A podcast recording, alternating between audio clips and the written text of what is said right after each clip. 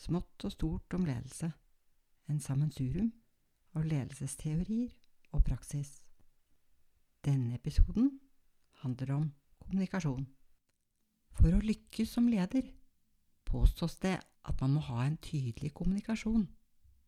Man kan ikke være ullen, vanskelig å forstå, som leder. Ved å være tydelig vil en kunne oppnå tillit, trygghet og autoritet overfor medarbeiderne, og det vil være lettere å nå bedriftens mål. Evnen til kommunikasjon påvirker samspillet med medarbeiderne.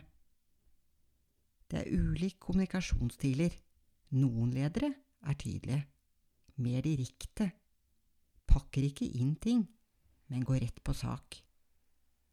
Andre ledere bruker mer tid, prater mer om forhold som ikke direkte går inn på hva som skal formidles, er mer opptatt av relasjon med medarbeiderne enn kanskje saken. Det er ikke like lett å snakke med alle. Noen snakker en mye lettere med, andre går det trått. Noen er fåmælte uten særlig mange ord, andre kan være pratmakere, snakke på inn- og utpust.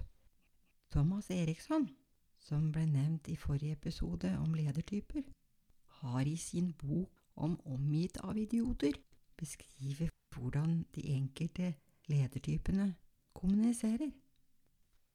Du som leder bør tilpasse deg til hvordan andre ønsker å bli oppfattet. Bør prøve å innstille deg på den enkeltes medarbeiders frekvens. Og kanskje være litt fleksibel, variere litt på kommunikasjonsstilen. Kommunikasjonsstilen til deg som leder bør tilpasses avhengig av om medarbeideren er rød, gul, grønn eller blå. Skal du kommunisere med en rød type, som ter seg driftig og direkte, arbeider flittig og effektivt, og som selv ønsker å bestemme, bør du få opp farten, komme til poenget med en gang, ikke dvele og prate rundt grøten. Skal du kommunisere med en gul type, som er optimistisk og spontan, og som ønsker å bli beundret, er det viktig å skape varmt og vennlig atmosfære. Gi plass til den gule. Du kan jo for eksempel si Hvordan føles dette for deg? Gule personer er svært mottakelige for smiger. Skal du kommunisere med en grønn type, som er omtenksom og forståelsesfull, og ønsker å beholde gode relasjoner og være godt likt, er det fint om du hjelper til med å møte redselen for det som er ukjent. Hjelpe til med å trosse det som føles feil. Men skal du kommunisere med en blå type, som ter seg reflekterende og korrekt, og som arbeider strukturert og systematisk, og som gjerne vil ha rett, bør du holde deg til saken, være godt forberedt og være tydelig. Det sies at det er lettere å prate med dem som er noe av samme type som deg selv. Du må ikke gjøre særlig endring på din kommunikasjonsform for å bli forstått. Lektor og forsker Gillian Søderholm har forsket på hvordan kommunikasjon i ansatte ønsker fra lederne. Det er noen regionale forskjeller, men i hovedsak så ønsker de ansatte at lederne har en uformell dialog med daglig samtale, ikke hierarkisk kommunikasjon, som andre ansatte fra andre land kunne ønske seg. De ansatte ønsker en klar kommunikasjon, men som er vennlig, hensynsfull og ekte. I studiet viser det at de ansatte ikke ønsker seg eksplisitt kommunikasjon om produksjon, ei heller mye snakk om fremtidig planlegging. Ikke er de ansatte særlig glad for bruk av rik overtalelsesretorikk. Nei, de ansatte ønsker ifølge studiet til Søderholm en klar kommunikasjon for bedre konfliktløsning, en kommunikasjon som viser hensyn til andre og en tydelig kommunisert problemstilling. Det kan virke som de ansatte ikke liker store festtaler. Taler om strategi og visjoner og hvor man skal hen i framtiden, hva man skal oppnå av produksjon og lønnsomhet. Kanskje de ansatte ønsker en helt annen tale til jul, litt mer jordnær og personlig. Kanskje lederne må legge helt om på talen sin når de skal oppsummere året. Mer åpen, vennlig og avslappa. Oppriktig. For at de ansatte skal oppleve engasjement. For å få indre motivasjon, mener professor i ledelse Anders Dysvik at uh, tre behov må være dekket. 1. Behov for autonomi, muligheten for selvstendig valg innenfor gitte rammer. 2. Ønsket om å oppleve mestring må være til stede. Man må føle seg kompetent i jobben. 3. Sosial tilhørighet med gode relasjoner må være dekket for at uh, de ansatte skal føle stolthet og tilhørighet til organisasjonen. Dysvik har fire tips til tilbakemelding som lederen bør gi til hver enkelt ansatt.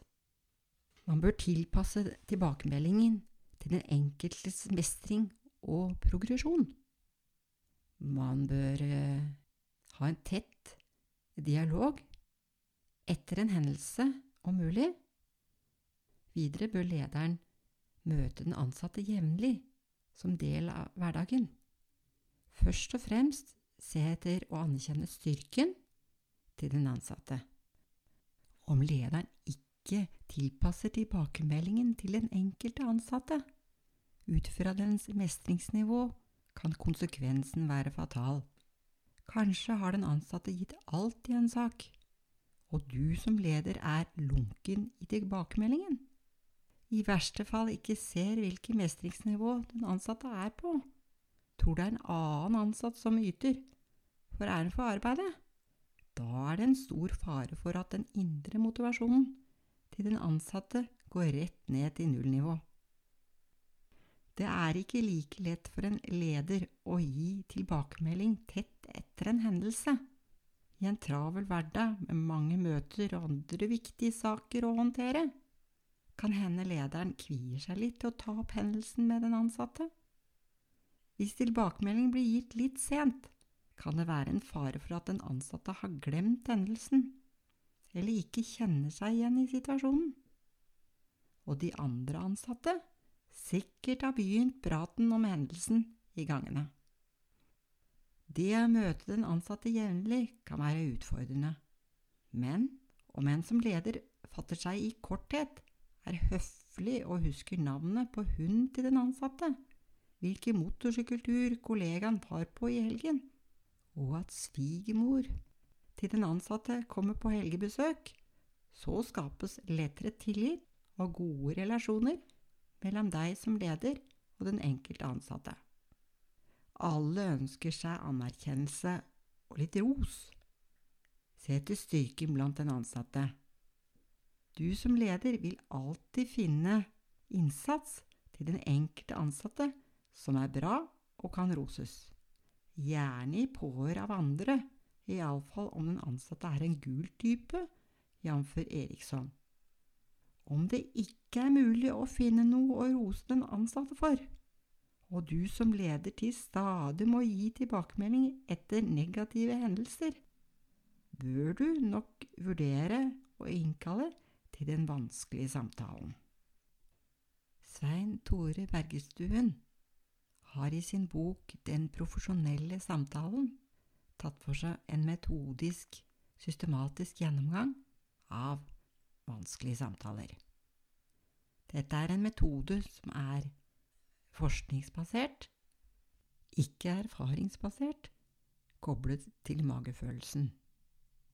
Bergestuen deler intervjuet eller samtalen i ulike faser. Planlegging, kontaktetablering, sonderingsfasen og trygger beslutningsgrunnlag etter samtalen.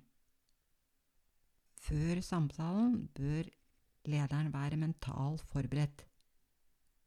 Når en har en samtale med den ansatte, er det viktig å be om å beskrive ens egen situasjon. Ha en aktiv lytting og ta personen på alvor. Man bør ikke gå i den fella at man kommer med en hypotese, ikke stille ledende spørsmål. Lederen bør, for å lykkes med den vanskelige samtalen, gi fra seg litt autoritet. Maktbalansen mellom lederen og den ansatte bør utjevnes. Ved å føre en samtale basert på denne metoden vil en kunne få en mer nøytral og pålitelig informasjon fra medarbeideren. Du som leder er sikkert ikke særlig motivert til å ta en så vanskelig samtale. Det er masse andre saker en sikkert ønsker å jobbe med. Ikke bruke tid på brysomme personalsaker. Men om du som leder klarer å innstille deg på at denne samtalen med din ansatt som du liker, ja, for du bør prøve å like alle dem du leder, blir bra, da har du kanskje lykkes som leder. Du som leder blir hele tiden vurdert av dine ansatte. Ikke bare hva du sier blir vurdert, men ditt kroppsspråk, hvordan du kommuniserer ikke-verbalt. Det er viktig for en leder å opptre troverdig. En må være seg bevisst sine følelser, holdninger og verdier. Det er nærmest umulig å sette opp pokerfjes. En blir avslørt av sine medarbeidere. En leder bør ikke bare være seg bevisst sitt eget kroppsspråk, men også de ansattes. Det er et sitat fra Peter Drucker. Det viktigste i kommunikasjon er å høre det som ikke sies.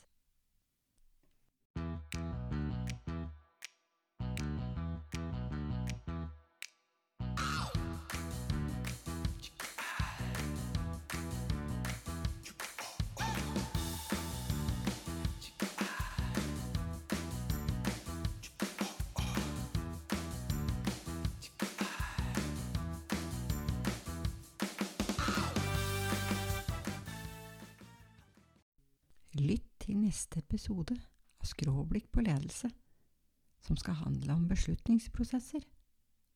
Smått og stort om ledelse. En sammensurium, ledelsesteorier og praksis.